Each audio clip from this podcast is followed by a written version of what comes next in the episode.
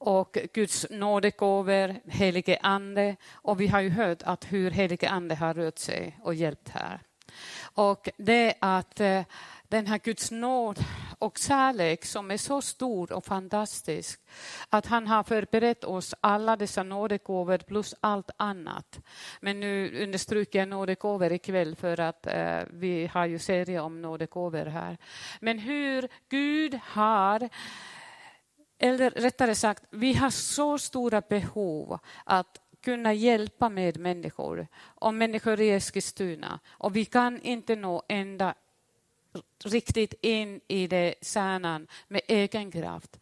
Men när den helige Ande får komma och ge det som Gud har redan gett och förberett, då kan vi göra underverk som Malin här sa det tidigare.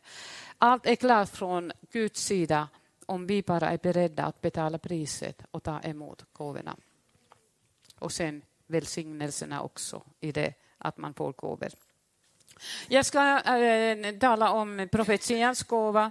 Eh, Patrik började förra veckan och nu fortsätter jag och Wilhelm kommer att fortsätta om en vecka. För att det är så brett område att äh, vi tyckte att det, vi kan tala om det tre gånger.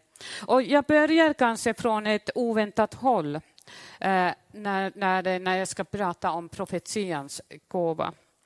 Jag älskar Gamla testamentet, jag älskar eh, Hebreerbrevet, för att där har vi vår historia, berättelserna om människor i historien som vi kan lära oss av. De har varit alldeles vanliga människor och de har vandrat med Gud och det finns så mycket rikedom och lärdom i de berättelserna.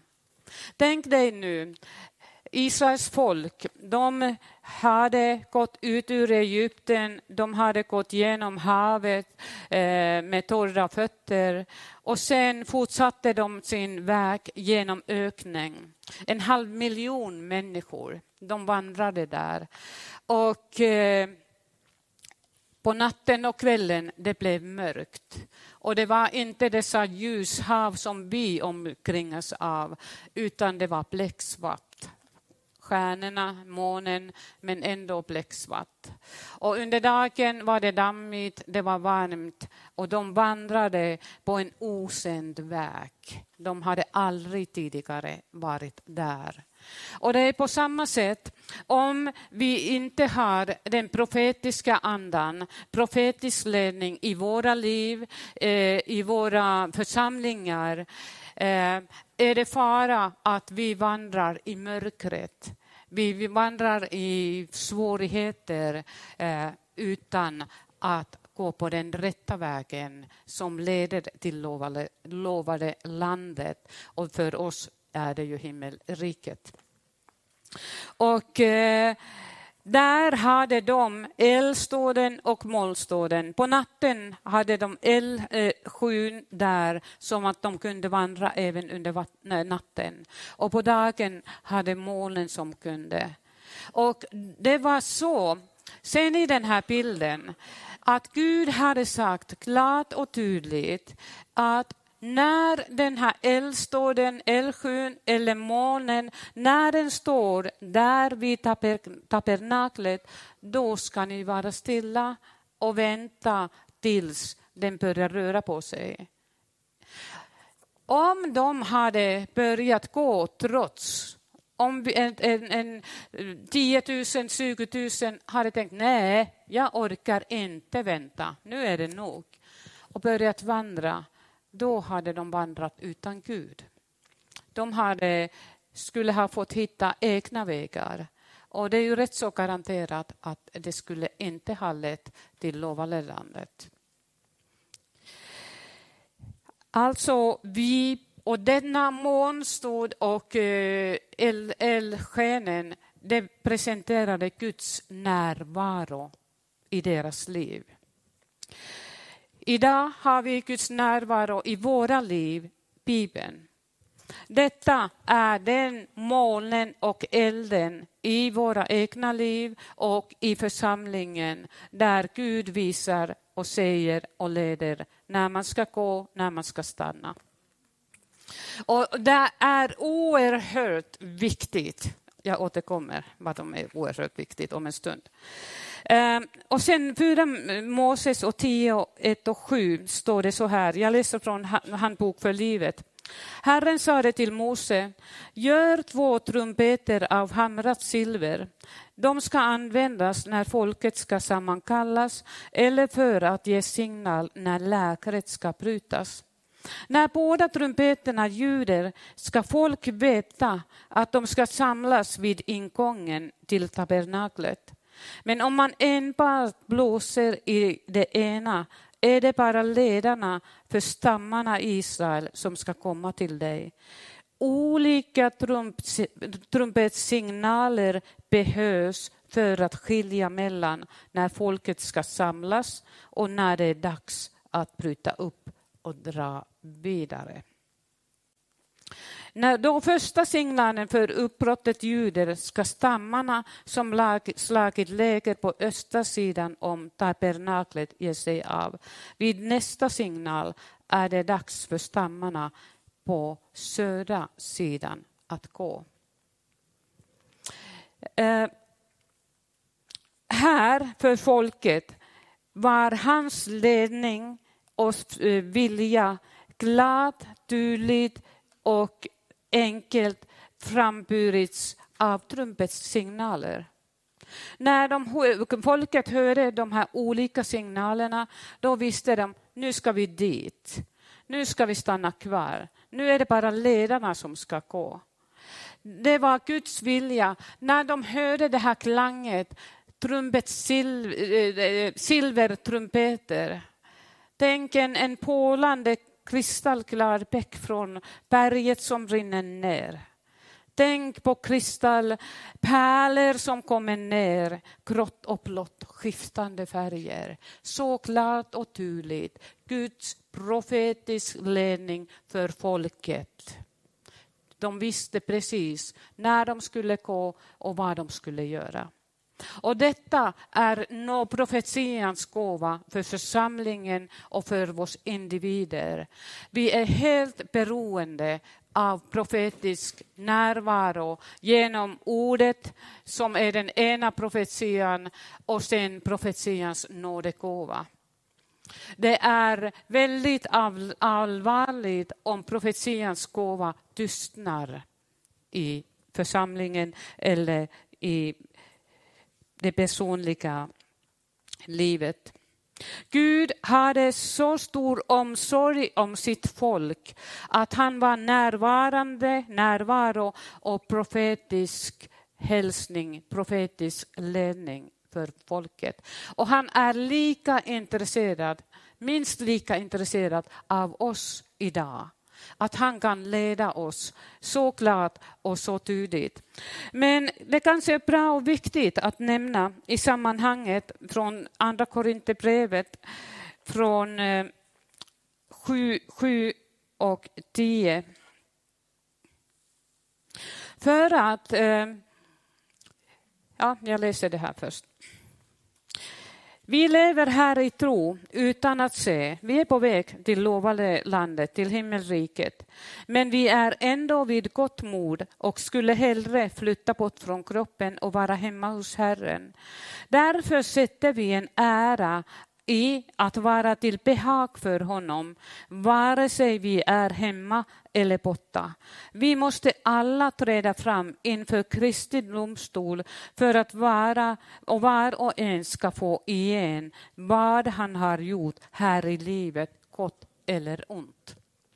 Alltså Kristi domstolen, där är det inte fråga om vår frälsning, det är allena bara om nåd.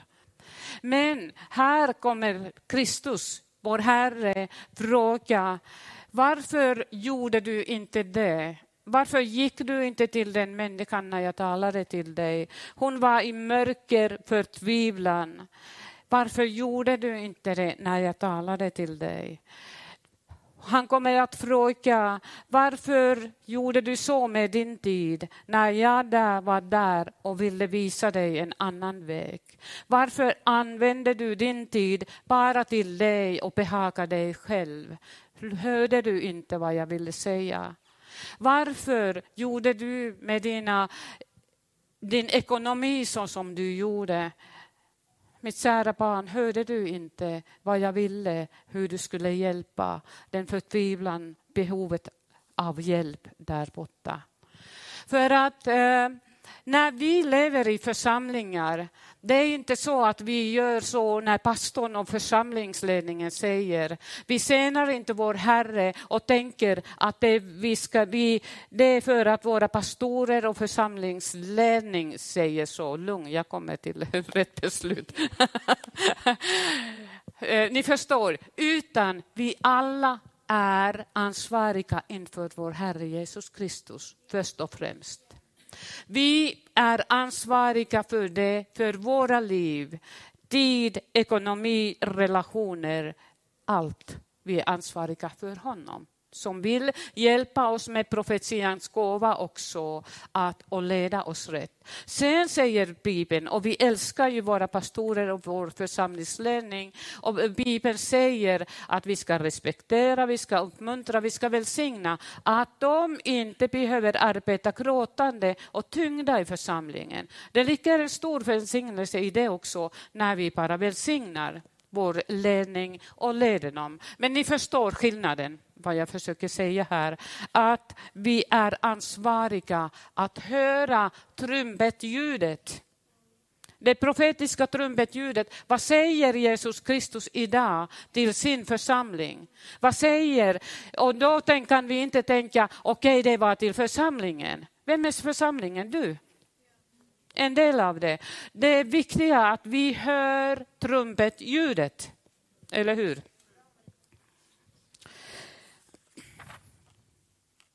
Och det var ju så då att Gamla testamentet var det prästerna, det var ju Arons söner som, som fick blåsa på, eller vad heter det, blåsa på trumpeten, blåsa i. Ja.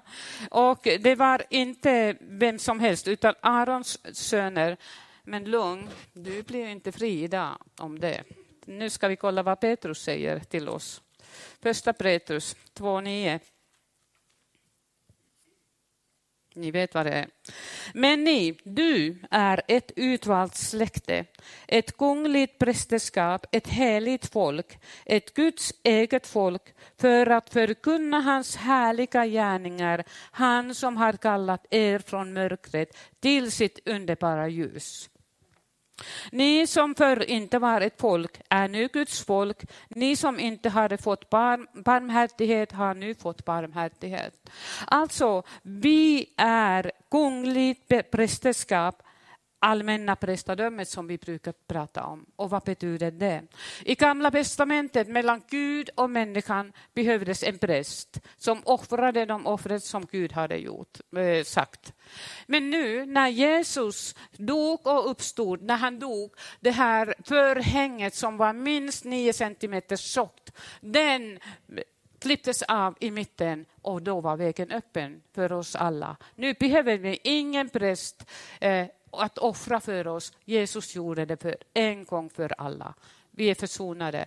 Därmed är vi präster. Vi har heliga andens smörjelse, helige ande i oss. Vi är, eh, vi kan gå och vi har ett uppdrag. Men alltså, vi är präster, smorda av helige ande inför Gud. Och då säger andra Korinthierbrevet så här. Eh, fem. Ja. 17 och 20. Och eh, om någon är i Kristus är han alltså en ny skapelse. Det gamla är förbi, något nytt har kommit. Halleluja. Vi är Guds barn. Och allt kommer från Gud som har försonat oss med sig själv genom Kristus och gett, gett oss försoningens tjänst. Gud var i Kristus och försonade världen med sig själv. Han tillräknade inte människorna deras överträdelser och han har anförtrott oss försoningens ord. Förstår ni det här och ni förstår det här oerhörda i det här? Vi är nu präster. Eh, vi är Guds medarbetare. Vi bär inom oss försoningens ord till människor som inte känner Kristus än, som Gud älskar. Och han vill att vi går och når fram med försoningens ord till frälsning. Att vi kan in genom nådegåvor som Gud bara längtar att ge till oss. Han bara väntar och väntar och vill ge nådegåvor till sin församling, till dig. För att du ska kunna betjäna med människor. Som vi hörde här, det var många som bara varit i mörker och, eh, och det finns så mycket elände och mörker psykisk ohälsa, det finns sjukdom, det finns så mycket saker där Gud vill komma och nå för att hjälpa till genom sitt folk. Med profetiska budskap när man sitter i en mörk, mörkt rum ensam, inte hittar någon vägen ut, komma dit med en klingande glad profetisk ut från Guds hjärta. Det är ett stort allvar för oss. Därför vill jag eh, börja med det här att vi inser vårt ansvar att vara öppna och ta emot och bli medhjälpare och börja bära ännu mer. Jag vet att ni gör det mycket redan, jag vet. Men ännu mer och ännu djupare. Och så som du, Marianne sa det, att vi har kommit närmare efter kvinnohelgen eller konferensen. Det är en jättebra början när vi kommer närmare. Vi behöver inte ha några fasader. Vi vågar vara svaga och säga att vi är svaga för att vi är, åtminstone jag, är svag. Och i den svagheten kan Gud komma bland annat med den profetiska gåvan plus alla andra. Eh, profetians gåva är mycket viktig för församlingen. Och första korren eh, 14, 1 och 4 berättar hur vi ska söka först kärlek, men kokande ivrigt söka efter profetians gåva. Moses sa det, åh jag önskar att hela folket var profeter. Vi kan önska och be för det. Att det bara som, som ploppar upp som svampar på, eh, när det regnar. Att profetians gåva börjar höras här och där och här och där. Det är Guds önskan och tanke. För uppbyggelse, uppmuntran och tröst. Vem är behov av tröst? Är det någon här som har någon gång varit behov av tröst? Ja, ja. Gud som är all tröstens Gud. Genom profetian vill han komma med tröst. Öppna ögonen och se det, det, som den personen behöver. Vem har varit behov av uppmuntran? Ja, alla vi tror jag. Genom profetians gåva vill Gud gjuta uppmuntran i ditt liv att du inte ger upp. Att fienden får inte omringa dig och du får inte tilltala dig själv att jag duger inte till, någon, till någonting. Det är ju ett lögn. Gud har lagt gåvor i dig. Och eh, uppbyggelse. Profetians gåva är därmed jätteviktig för att den upp bygger församlingen, dig och mig, att vi kommer ännu närmare, ännu närmare varandra. Att vi kan betjäna ännu mer och djupare varandra och att vi kan vinna folk för Kristus som finns i Eskilstuna, älska Eskilstuna genom profetians gåva också. Att Gud kan tilltala till oss, gå dit och säg så. Gå dit och hjälp. Vi behöver jag höll på att säga nästan desperat, mer och djupare profetisk anda. Och det här är så underbart att första Korinther 12 och 7, men hos var och en visar sig anden så att det blir till nytta. Lyssna nu noga. Hos var och en visar sig anden så att det blir till nytta. Det är inte du eller jag som ska krysta fram någon gåva, utan det är anden när du säger kom helige ande. Jag längtar, jag vill, jag är öppen. Ge mig den gåva som du vill ge mig. Då kommer han Reinhold Olonska säger profetian är en så viktig gåva att om dess funktion undertryckes eller inte främjas kan det innebära att man kräver en krav för församlings andliga liv.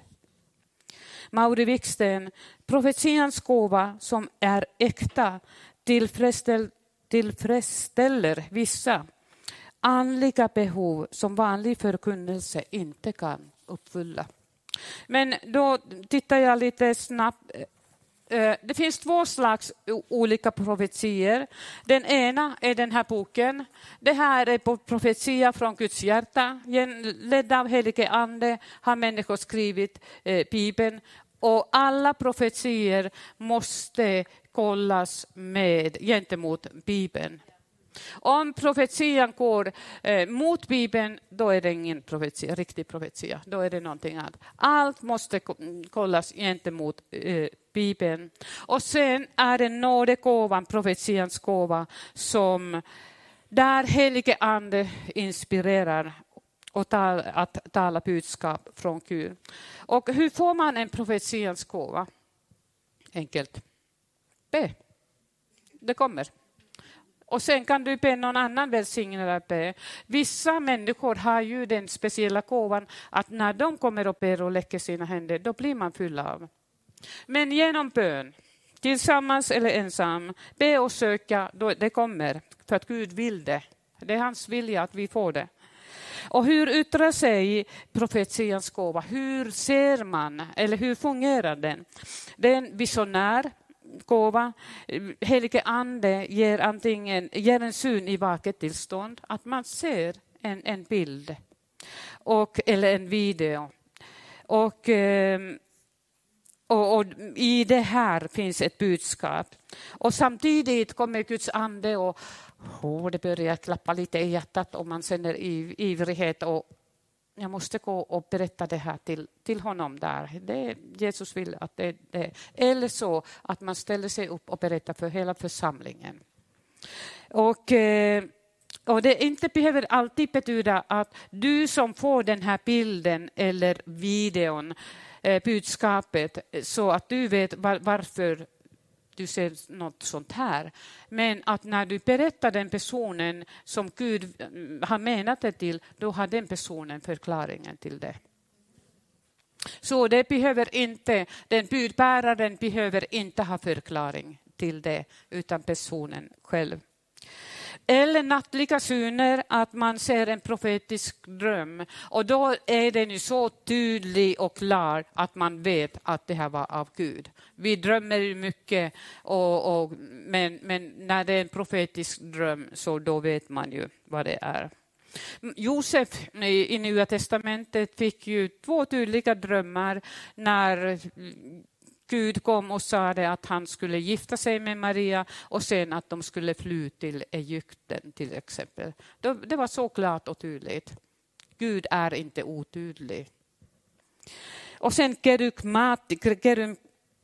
kerygmatisk profetia som är det kanske den vanligaste. Att eh, den som har profetians gåva får ett budskap. Helt plötsligt kommer det här trycket i bröstet. Man, man känner att pulsen börjar stiga lite och, att, att, och sen börjar man känna att man får ett budskap. Och att eh, man eh, vet att okej, okay, det är till den här personen. Eller så att man får bara eh, man får ett helt budskap eller som andra får kanske bara ett par ord eller en, mån, en mening. Men man ändå känner och vet att Gud vill att jag frambär det här budskapet. Då ska man i tron resa sig upp och låta budskapet komma. För att när den här inspirationen, eh, helige andes inspiration är på, då kommer det ju in flödet, när man ställer sig upp och säger och berättar, då kommer det ju flöda ut och sen blir det slut. För att inspirationen är slut. Det var, det var det här budskapet som skulle fram. Men det är ju att man måste ställa sig upp i tro. Eller våga sig och säga att okej, okay, nu, nu vill Gud att jag säger det här till henne. Att våga sig. Men det är bättre att våga sig och misslyckas kanske någon gång än att aldrig våga. För att då fattas det ju den hälsningen för den personen. Och sen är det ju att man hör en tydlig röst. Helt eh, att man hör med sina öron, auditionär profetia, att man hör med sina öron. Det mm, händer ju i Bibeln och säkert händer nu för tiden också. Och Saulus, han, när han föll ner på marken, hörde hur Jesus sa, sa det, talade till honom. Där och sen profetians gåva genom äh, symboliska händer. Äh, till exempel Akabus i Apostlagärningarna. Han kom till Paulus och tar, tog hans bälte och bad sina händer och fötter. Sa, den, den som äger denna bälte kommer att fångas i Jerusalem. Så att det finns olika sätt att få förmedla på profetians gåva. Och var uppenbarar sig då gåvan och var den används? I samtal och själavård. Det är en underbar gåva i samtal och själavård. När man där kanske ber för den som man har samtal om och vet inte riktigt hur, vad, hur ska jag be? Då kan den profetiska gåvan komma som en klar och tydlig mening eller meningar man vet det här man ska be för. Det är det här. Eller som Jesus när han satt med, eh, i Samarien med kvinnan.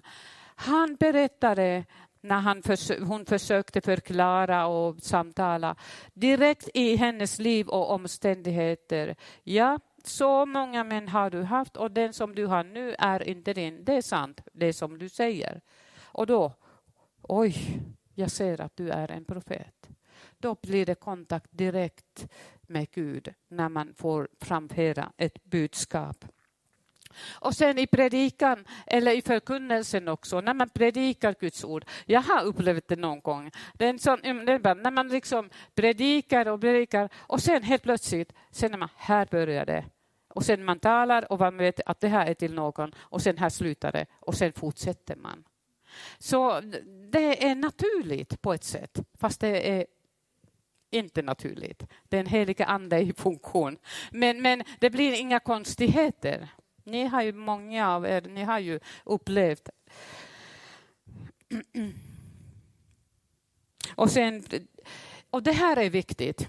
Jag måste nästan avrunda här nu. Men det här är viktigt att, att man inte tror att profetian är bara om kommande händelser. Profetian är att Gud vill att vi ser saker och ting från tronen, tronsalen, från hans synpunkt, hur Jesus Kristus, vad han har vunnit och vad som finns för oss att hämta. Ni förstår? Alltså profetian, det är det här uppbyggande. Det kanske finns en situation i församlingen och mitt i det kommer profetians gåva i funktion och lyfter fram någon sanning i Bibeln som är precis viktig att det blir aktiv och aktuell och lyfts upp i församlingen. Om det är till exempel uppvaknande som är viktigt, att man, man, någon profeterar om det och då och när det är äkta profetia, då känner man ju Guds närvaro, eller hur? Man känner det här, oj, det här var Gud. Och då kan man ju ompröva sig, man kan ta till sig och be och fråga Gud, hur vill du att jag fortsätter med detta? Så mycket enligt mig det här som jag ser, mycket, en stor bit är just uppbyggelse och uppmuntran för församlingen. Så som det var när de gick där i öknen, ständiga Guds närvaro, elden, målen, Bibeln och sen trumpet, trumpeten. När, de, när man eh, blåste i trumpeten, signalen, nådegåvan, profetians gåva på samma sätt. Uppmuntran, uppbyggelse orka lite till, orka lite till. Snart är vi hemma. Amen. Du har lyssnat till en predikan i Pingstkyrkan i Eskilstuna. Om du vill höra den igen eller höra andra predikningar eller se, då finns vi på TV Eskilstuna och vi finns på Youtube där du hittar oss under eh, Pingstkyrkan Eskilstuna. Du kan också klicka på prenumeration om du vill veta när nya predikningar läggs ut. Alla är välkomna hit. Du är varmt välkommen att eh, kontakta oss eller besöka ett av våra möten eller kyrkan. Eh, du kan också ringa till oss eller skriva på vår mailadress om du eh, har en fråga eller om du önskar att vi ska be för dig eller för en situation. Det finns också mer information om oss och våra möten, aktiviteter för alla olika åldrar på vår hemsida och även på vår Facebookgrupp. Jag önskar dig allt gott och Guds välsignelse.